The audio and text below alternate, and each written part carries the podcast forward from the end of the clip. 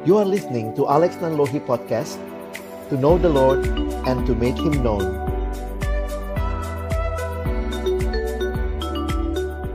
Berharap kepada Allah dan dipimpin oleh Allah. Dan sama-sama kita akan membaca firman Tuhan yang hari ini diambil dari Yesaya pasal 8 ayat 1 sampai 9 ayat 6. Yesaya pasal 8 ayat 1 sampai 4. Anak nabi sebagai tanda. Berfirmanlah Tuhan kepadaku, ambillah sebuah batu tulis besar dan tuliskanlah di atasnya dengan tulisan biasa, Maher Syahlal Hasbas. Maka aku memanggil dua saksi yang dapat dipercaya, yaitu Imam Uria dan Zakaria bin Yeberekia. Kemudian aku menghampiri istriku. Ia mengandung dan melahirkan seorang anak laki-laki. Lalu berfirmanlah Tuhan kepadaku, Namailah dia Maher Shalal Hasbas. Sebab sebelum anak itu tahu memanggil Bapa, Ibu, maka kekayaan Damsik dan jarahan Samaria akan diangkut di depan Raja Asyur. Ayat 5 sampai 10 penyerbuan Asyur ke Yehuda. Tuhan melanjutkan lagi firman-Nya kepadaku, oleh karena bangsa ini telah menolak air Shiloah yang mengalir lamban dan telah tawar hati terhadap Reshin dan anak Remalia. Sebab itu, sesungguhnya Tuhan akan membuat air sungai Efrat yang kuat dan besar meluap-luap atas mereka, yaitu Raja Asyur dengan segala kemuliaannya. Air ini akan meluap melampaui segenap salurannya dan akan mengalir melampaui segenap tebingnya serta menerobos masuk ke Yehuda, ibarat banjir yang meluap-luap hingga sampai ke leher, dan sayap-sayapnya yang dikembangkan akan menutup seantero negerimu, ya Immanuel. Ketahuilah, he bangsa-bangsa, dan terkejutlah, perhatikanlah, ya segala pelosok bumi, berikat pingganglah dan terkejutlah, berikat pingganglah dan terkejutlah, buatlah rancangan, tetapi akan gagal juga. Ambillah keputusan, tetapi tidak terlaksana juga, sebab Allah menyertai kami. Ayat 11 sampai 22. Yesaya terpaksa bersembunyi. Sebab beginilah firman Tuhan kepadaku, ketika tangannya menguasai aku dan ketika ia memperingatkan aku, supaya jangan mengikuti tingkah laku bangsa ini. Jangan sebut persepakatan segala apa yang disebut bangsa ini persepakatan, dan apa yang mereka takuti janganlah kamu takuti, dan janganlah gentar melihatnya. Tetapi Tuhan semesta alam, dialah yang harus kamu akui sebagai yang kudus. Kepadanya lah harus kamu takut dan terhadap dialah harus kamu gentar. Ia akan menjadi tempat kudus, tetapi juga menjadi batu sentuhan dan batu sandungan bagi kedua kaum Israel itu, serta menjadi jerat dan perangkap bagi penduduk Yerusalem. Dan banyak di antara mereka akan tersandung, jatuh dan luka parah, tertangkap dan tertawan, Aku harus menyimpan kesaksian ini dan memeteraikan pengajaran ini di antara murid-muridku. Dan aku hendak menanti-nantikan Tuhan yang menyembunyikan wajahnya terhadap kaum keturunan Yakub. Aku hendak mengharapkan dia. Sesungguhnya aku dan anak-anak yang telah diberikan Tuhan kepadaku adalah tanda dan alamat di antara orang Israel dari Tuhan semesta alam yang diam di Gunung Sion. Dan apabila orang berkata kepada kamu, mintalah petunjuk kepada arwah dan roh-roh peramal yang berbisik-bisik dan komat kamit. Maka jawablah, bukankah suatu bangsa patut meminta petunjuk kepada Allahnya? Atau haruskah mereka meminta petunjuk kepada orang-orang mati bagi orang-orang hidup? Carilah pengajaran dan kesaksian. Siapa yang tidak berbicara sesuai dengan perkataan itu, maka baginya tidak terbit fajar.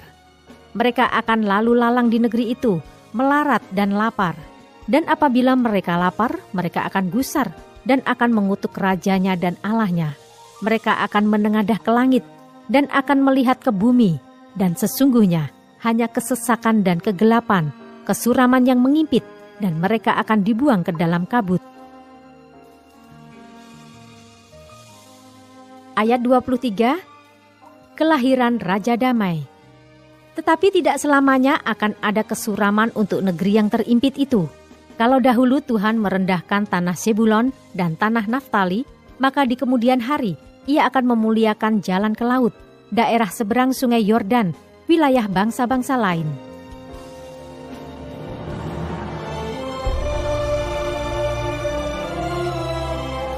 Yesaya pasal 9 ayat 1 sampai 6. Bangsa yang berjalan di dalam kegelapan telah melihat terang yang besar. Mereka yang diam di negeri kekelaman, atasnya terang telah bersinar. Engkau telah menimbulkan banyak sorak-sorak dan sukacita yang besar.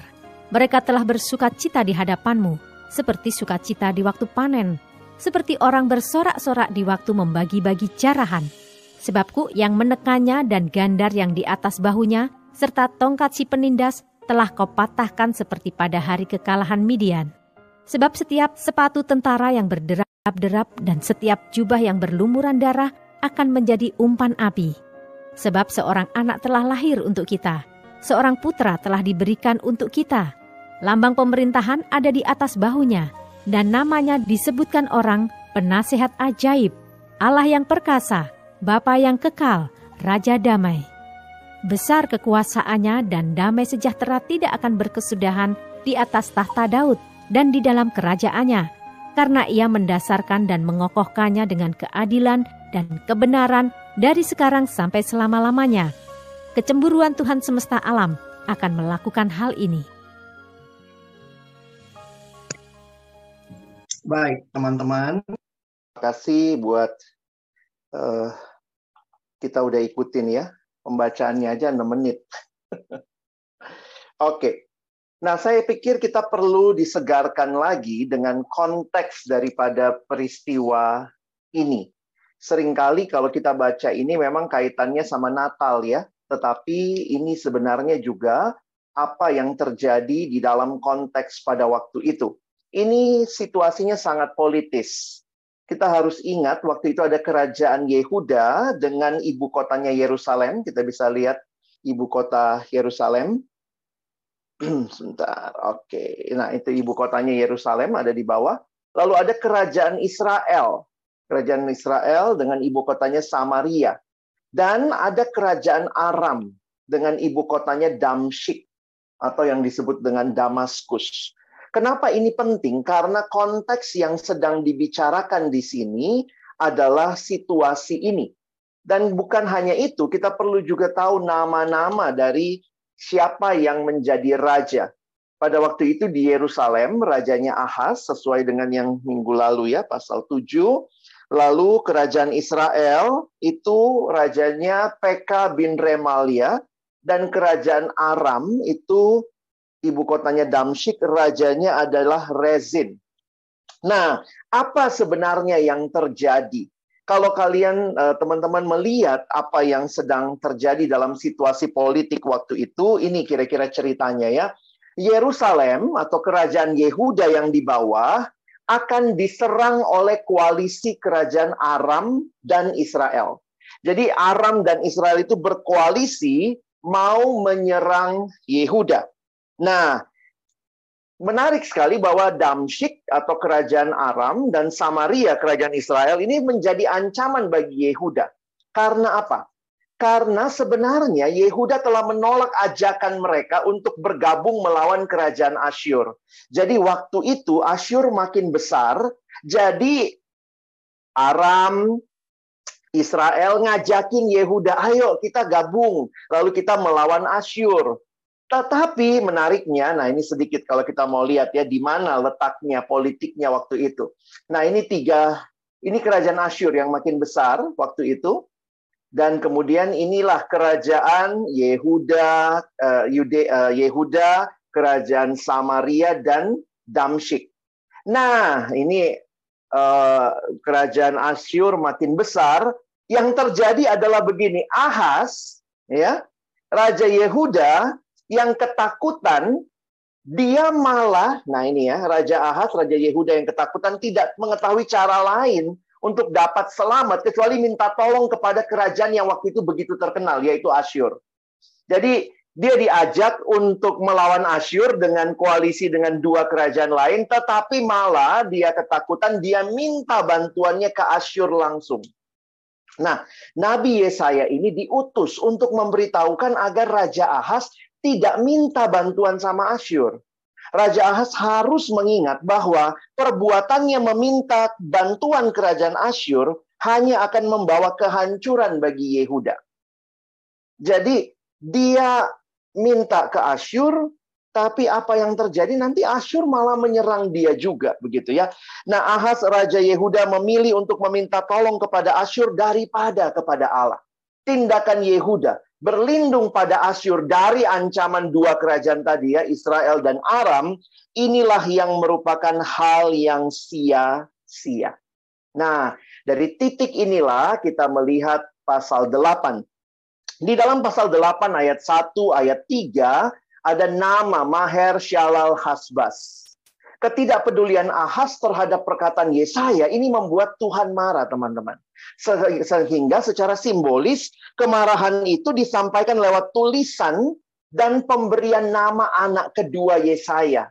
Waduh sedih juga ya. Namanya anaknya Yesaya Maher Shalal Hasbas. Kesannya bagus ya. Tapi kalau kita kasih nama anak kayak gini, ingat dulu. Tahu dulu artinya. Teman-teman, nama anaknya Yesaya ini Alkitab terjemahan bahasa Indonesia sehari-hari atau BIMK bahasa Indonesia masa kini nama anaknya itu artinya perampasan yang tangkas perampokan yang cepat. Waduh, gimana kalau punya anak namanya begitu ya? Dipanggilnya pat-pat gitu ya. Nama panjangnya perampasan yang tangkas, perampokan yang cepat. Nah, itulah dalam bahasa Ibrani Maher Shalal Hasbas. Kenapa? Tuhan mau memberikan tanda bahwa seperti inilah nanti Asyur akan datang. Asyur akan datang sebagai perampas yang tangkas dan perampok yang cepat. Ngeri ya, nama anaknya menyatakan itu. Di ayat 4 dituliskan begini, sebab sebelum anak itu tahu memanggil bapa, ibu, maka kekayaan Damsyik dan jarahan Samaria akan diangkut di depan Raja Asyur. Nah, maksudnya apa? Tuhan mau bilang, kamu minta tolong sama Asyur. Nanti kerajaan yang kamu takuti itu ditaklukkan Asyur dulu ya. Kerajaan Samaria dan Damsyik akan ditaklukkan Asyur. Tetapi jangan lupa, sesudah Asyur menaklukkan dua kerajaan itu, kesannya nolongin kamu, kamu juga akan diserang nextnya oleh kerajaan Asyur ini. Makanya Yesaya taat kepada Tuhan untuk menjadikan anaknya semacam tanda bahwa dalam waktu sembilan bulan setelah anak itu lahir. Kenapa sembilan bulan? Karena biasanya anak ngomong papa mama itu sembilan bulan setelah lahir. Itu kira-kira menghitut perhitungan orang Yahudi waktu itu ya. Mungkin sekarang sama juga ya. Sembilan bulan sejak anak itu lahir waktu yang dianggap normal sampai seorang anak tahu memanggil ibu bapak, Asyur akan menghancurkan Samaria serta Israel. Janji ini bahkan lebih cepat daripada janji di dalam pasal 7.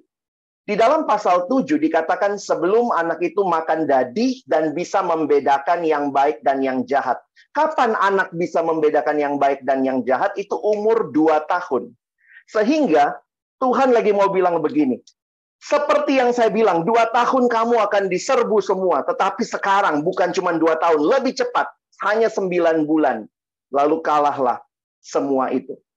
Jadi sekali lagi kalau teman-teman lihat, nama itu mengacu kepada bangsa Asyur ya. Nama anaknya Yesaya. Gempuran mereka dilukiskan sebagai banjir yang meluap kuat dan besar. Teman-teman saya sertakan ayatnya kalau mau lihat ya.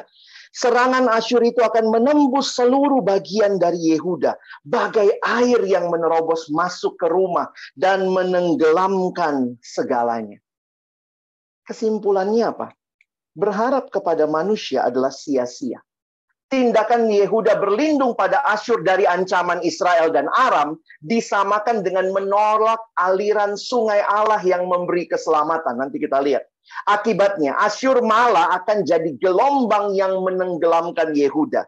Karena setelah dia mengalahkan Israel dan Aram, ternyata Asyur juga menaklukkan Yehuda. Jadi Yesaya mengingatkan Ahas bahwa air atau Asyur ya yang besar dapat membawa petaka dan kehancuran sebab rancangan manusia akan gagal dan keputusan manusia tidak akan terlaksana. Itulah di ayat 10. Ahas telah melupakan prinsip penting ini. Bahwa Tuhan yang menyertai orang yang bersandar kepadanya. Teman-teman memang tidak mudah ya. Kalau kita terdesak, kita lihat kekuatan itu dekat lalu mau menyerang kita, itu yang terjadi ketika koalisi kerajaan Israel dan Aram mau menyerang Israel. Maka sering kali kita berpikir apa yang paling gampang ya udah lakukan kita cari pertolongan begitu. Sayangnya tidak cari pertolongan kepada Allah. Nah, di dalam situasi seperti ini kan kita jadi nanya, mana Allah dong? Mana Tuhan? Apa yang Tuhan lakukan? Memang benar ya, rancangan Tuhan bukanlah rancangan kita. Dan jalanmu bukanlah jalanku. Demikianlah firman Tuhan. Seperti tingginya langit dari bumi, demikianlah tingginya jalanku dari jalanmu dan rancanganku dari rancanganmu. Pertolongan Tuhan ada atau tidak? Ada di ayat 5 6 tadi, teman-teman lihat ya. Pertolongan Tuhan digambarkan seperti aliran air Shiloah. Teman-teman bisa lihat ya. Oleh karena bangsa ini telah menolak air Shiloah yang mengalir lamban. Air Shiloah itu itulah sebuah sungai di Yerusalem. Itu sungainya mengalirnya lamban. Gambaran ini menunjukkan pertolongan Tuhan, namun proses yang dilalui dalam konteks pertolongan Tuhan memang lebih lamban begitu ya. Mungkin tidak seperti waktu yang kita mau. Tuhan musuh udah di depan mata. Tuhan bilang tenang. Waduh, kayaknya nggak masuk akal ya. Karena Tuhan memberikan pertolongan bukan berdasarkan waktu kita, tapi waktunya dia.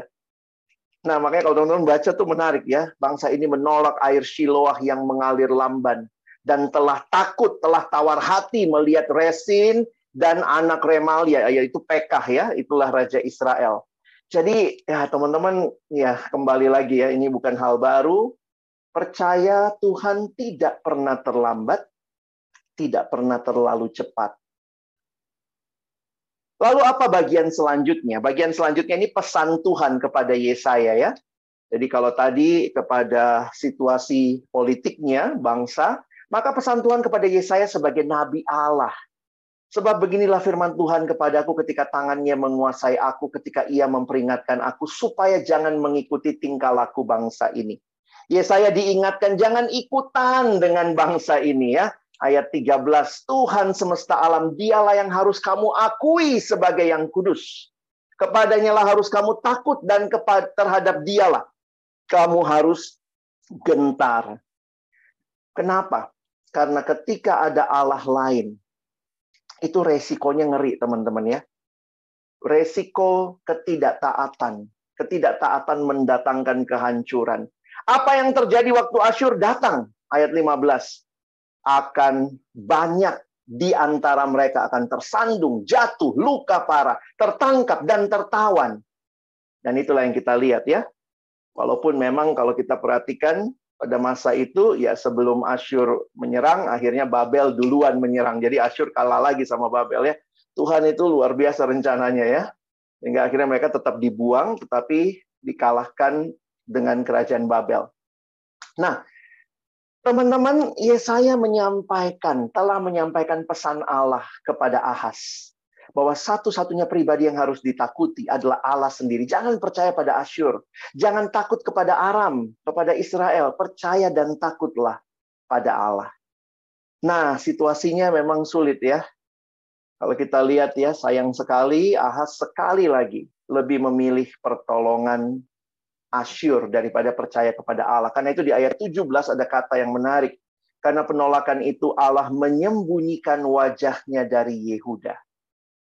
Kalau kita ingat masalah wajah ya, kalau kita ingat berkat di Alkitab, eh, di gereja sering dikutip ya, Tuhan mengarahkan wajahnya kepadamu. Jadi wajah itu menunjukkan perkenanan. Inilah manusia yang kita biasa sebut manusia tanpa pengharapan. Benar nggak sih? Kalau saya pelajari, manusia itu ternyata makhluk berpengharapan. Jadi sebenarnya kita nggak pernah tidak punya harapan.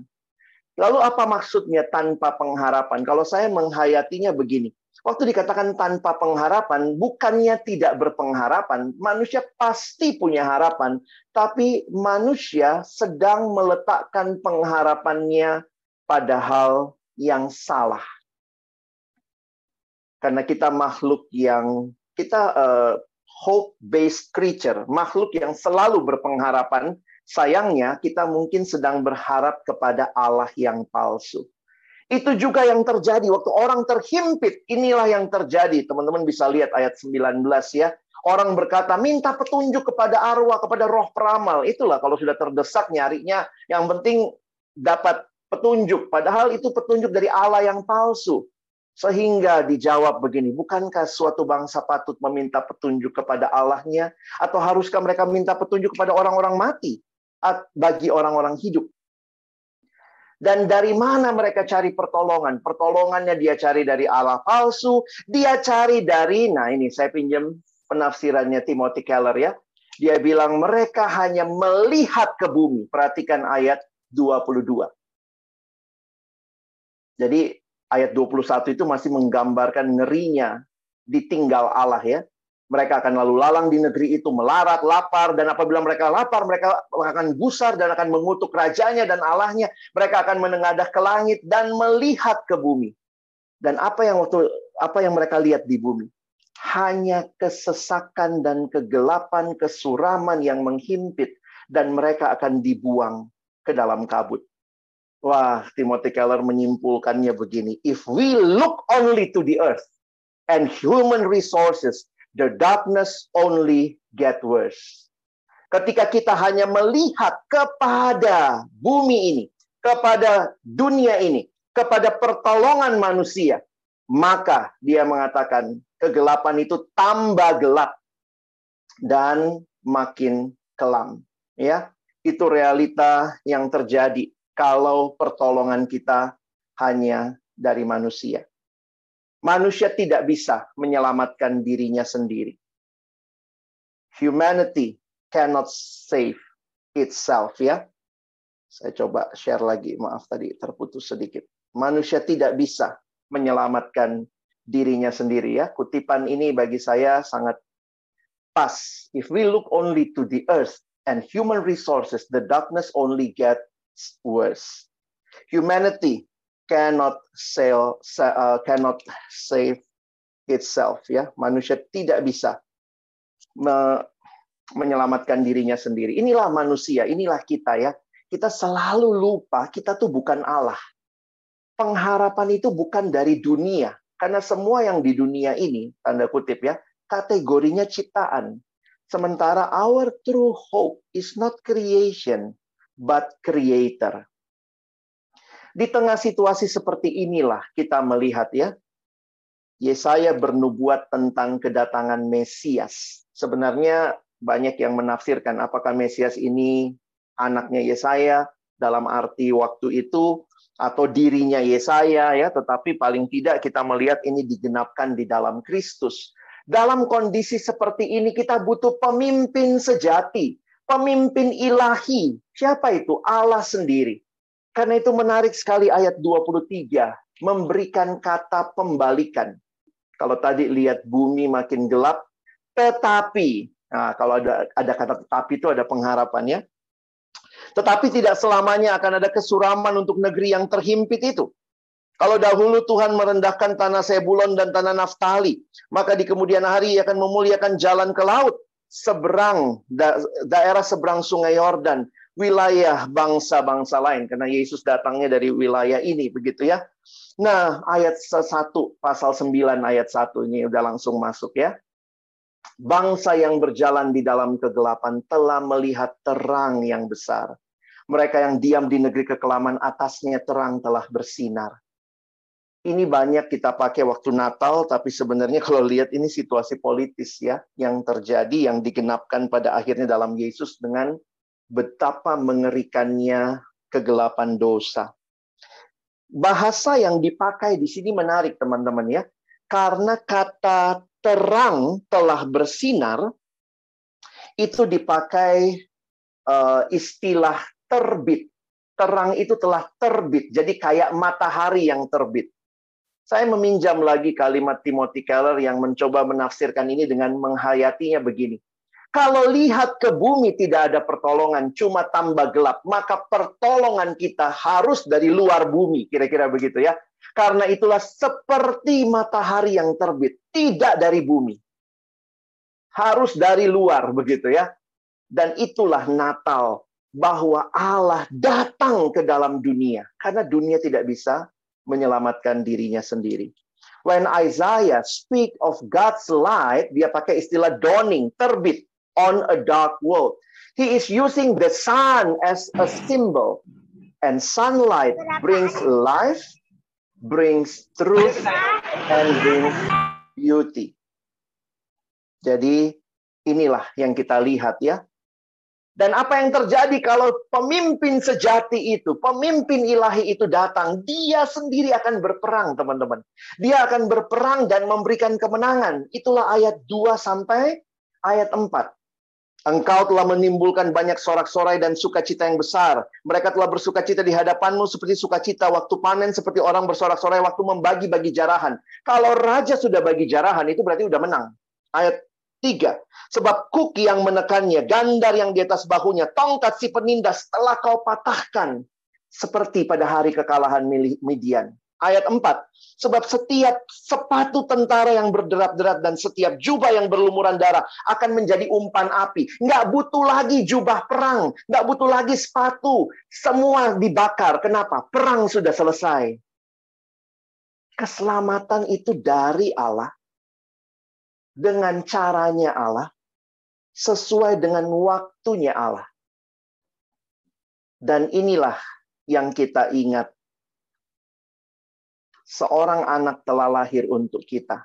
Seorang putra telah diberikan untuk kita. Lambang pemerintahan ada di atas bahunya. Dan namanya disebutkan orang. Nah ini penasihat ajaib, Allah yang perkasa, Bapa yang kekal, Raja damai. Agak sulit kita melihat siapa sebenarnya konteks yang menjadi Prince of Peace waktu itu. Anak raja kah? Bukankah sesudah itu raja-rajanya udah nggak ada ya? Ataukah ini anaknya Yesaya? Ya, atau memang kita melihat inilah penggenapannya secara penuh di dalam Kristus. Ada empat nama, kalau kita perhatikan yang digunakan Yesaya untuk menggambarkan Sang Mesias. Dan setiap nama itu, menariknya kalau kita renungkan, itu relasinya dengan kita. Inilah kado Natal, Allah memberikan Mesias, anaknya. Dan setiap nama itu ada kaitannya dengan hidup kita. Bahwa dia menyelesaikan pergumulan kita, dia datang untuk kita. Dan teman-teman, saya pinjam penjelasan Paul Tripp ya, maaf nggak bisa diterjemahkan, silahkan Anda baca sendiri. Yang datang itu adalah penasehat ajaib, yang punya hikmat. The one is wisdom because that ultimate source of everything that is good, wise, and truth. Kalau dia penasehat ajaib, maka hidup kita terus akan dituntun oleh nasihatnya yang ajaib. Dia adalah Allah yang perkasa, yang berkuasa. Dia punya kuasa untuk mengalahkan dosa, bahkan kematian, dan memberikan hidup kekal. Dia disebut everlasting father. Ini agak unik ya. Karena dia masih bayi, tapi disebut Bapa yang kekal. Bayi, tapi Bapa. Inilah Yesus ya, dia bayi tapi Bapa. The one who always and will and forever will be, the unchanging one, who is our Father by grace. Dan dialah sebenarnya bahasa Inggris pakai istilah Prince of Peace ya karena masih kecil. Ya jadi dia dia pangeran damai tapi Indonesia menerjemahkan lebih uh, langsung ya. Raja damai. Melalui kehidupannya kematiannya kebangkitannya telah membeli damai yang hilang ketika dosa merusaknya. Dan damai ini akan menjadi damai tak berkesudahan yang tidak bisa diinterupsi sampai selama-lamanya. Teman-teman nikmati ya. Ini Yesus, Sang Mesias, yang namanya punya hubungan dengan hidup kita. Kalau dia berkuasa, dia hadir di hidup kita. Kita bisa menikmati semua yang dia bawa dengan namanya. Hari ini kita bersyukur boleh dengar firman perkantas kita para staff baik dalam pelayanan, dalam hidup pribadi kita, mari kita tetap berpengharapan kepada Allah ya. Tetap berharap bukan kepada Allah-Allah yang lain. Saya nggak tahu mungkin kadang-kadang pergumulan hidup yang membuat kita merasa kita butuh lebih daripada Allah. Karena kayaknya Allah terlambat, suka nggak nolong, suka ngebiarin gitu ya. Saya lagi ada yang konseling, lalu dia dalam sakit yang luar biasa. Dia bilang, kenapa Tuhan nggak ambil saya aja, Kak? Dia nggak bisa tidur ya, satu hari cuma bisa tidur dua jam. Dia bilang, Kak, tolong saya, saya gimana ini? Kenapa Tuhan nggak ambil saya? Kemarin dia nanya, Tuhan masih sayang nggak sama saya? Beberapa hari ini dalam saat teduh pagi, eh, ayat-ayatnya menguatkannya termasuk yang pagi ini juga saya pikir uh, saya mau share sama dia juga kemarin kan tentang orang sakit ya tentang sakit dan hari ini tentang pengharapan bahwa Tuhan hadir walaupun sulit kita pahami ya. Tapi mari berharap kepada Allah. Yang lain mungkin terlihat cepat, tapi ternyata itu mematikan. Itu kayak Asyur ya. Dia cepat hancurin kerajaan yang lain, tapi pada akhirnya dia akan hancurkan Yehuda juga. Mari berharap kepada Allah. Dan kiranya pelayanan kita juga ya, kita punya banyak harapan tentunya, tapi biarlah harapan kita kepada Allah. Dan yang kedua, Betapa bahagianya raja yang dipimpin oleh Allah. Bukan dipimpin oleh kondisi, oleh situasi, oleh keinginan orang banyak. Dan Yesaya telah dipakai Tuhan ya menyampaikan, Yesaya dipimpin Tuhan supaya juga mengingatkan Ahas untuk dipimpin Tuhan ya. Sayangnya Ahas tidak memilih itu. Ahas lebih senang dipimpin oleh apa yang dia rasa baik. Tetapi kita bersyukur ada pemimpin sejati, yaitu Yesus yang kehadirannya memberikan kepada kita kepemimpinan yang sejati karena dia pemimpin tapi dia melayani bahkan menyerahkan nyawanya menjadi tebusan bagi banyak orang. Kiranya ini boleh menjadi model kepemimpinan kita juga di dalam pelayanan ya. Kepemimpinan seperti Kristus. Berbahagialah perkantas ketika pemimpin-pemimpinnya, staf-stafnya dipimpin oleh Kristus. Berbahagialah bangsa yang pemimpin-pemimpinnya takut akan Tuhan. Kalau mereka anak Tuhan pun mereka dipimpin oleh Tuhan, itu akan menjawab kebahagiaan. Tapi jauh lebih penting, beritakan Yesus, beritakan Injil supaya banyak hidup orang yang kembali tidak lagi dipimpin oleh dosa, tapi dipimpin oleh Yesus, Sang Raja Damai. Kiranya perenungan ini menolong kita untuk terus berharap dan terus memberi diri dipimpin oleh Tuhan. Amin. Saya boleh minta kesediaan uh, Riko, boleh menutup di dalam doa. Mari kita berdoa. Bapak Surgawi, kami sangat bersyukur untuk firman-Mu yang kembali meneguhkan kami akan pengharapan sejati di dalam Engkau kami melihat teladan dari Raja Ahas yang begitu mengandalkan manusia dan juga kekuatan politik. Tetapi di dalam ketidakmauannya untuk berharap kepada Tuhan, bahkan di dalam tawaran Tuhan untuk meminta tanda kepadamu, dan dia tidak mau menanggapinya. Engkau tetap memberikan tanda bagi pemimpin yang lalim ini. Dan terkhusus bagi umatmu, sehingga kami di zaman ini boleh membaca bahwa di saat kami menaruh pengharapan kami bukan kepada Allah yang sejati, tetapi kepada yang lain. Engkau tetap memberikan anugerah agar kami dapat menaruh pengharapan di dalam Engkau. Ampuni kami Tuhan, jikalau kami di dalam ketidaksadaran kami, kami menggantungkan harapan kami, kami mengandalkan hal-hal yang lain selain Engkau. Dan biarlah ya Tuhan berita akan Anda bahwa seorang anak telah lahir bagi kami. Seorang putra, seorang penasehat ajaib, Bapa yang kekal, Raja damai, itu sungguh menyegarkan dan juga menguatkan iman dan pengharapan kami di dalam Engkau. Kami bersyukur untuk kebenaran firman-Mu yang pada hari ini menyegarkan kami untuk kami boleh menaruh pengharapan pada Engkau di dalam doa-doa kami. Pimpinlah kami Tuhan di dalam persekutuan doa ini. Terima kasih untuk hambamu yang boleh menyampaikan dan juga mengingatkan kami akan kebenaran ini. Terima kasih Tuhan dalam nama Yesus. Kami sudah berdoa dan bersyukur. Amin.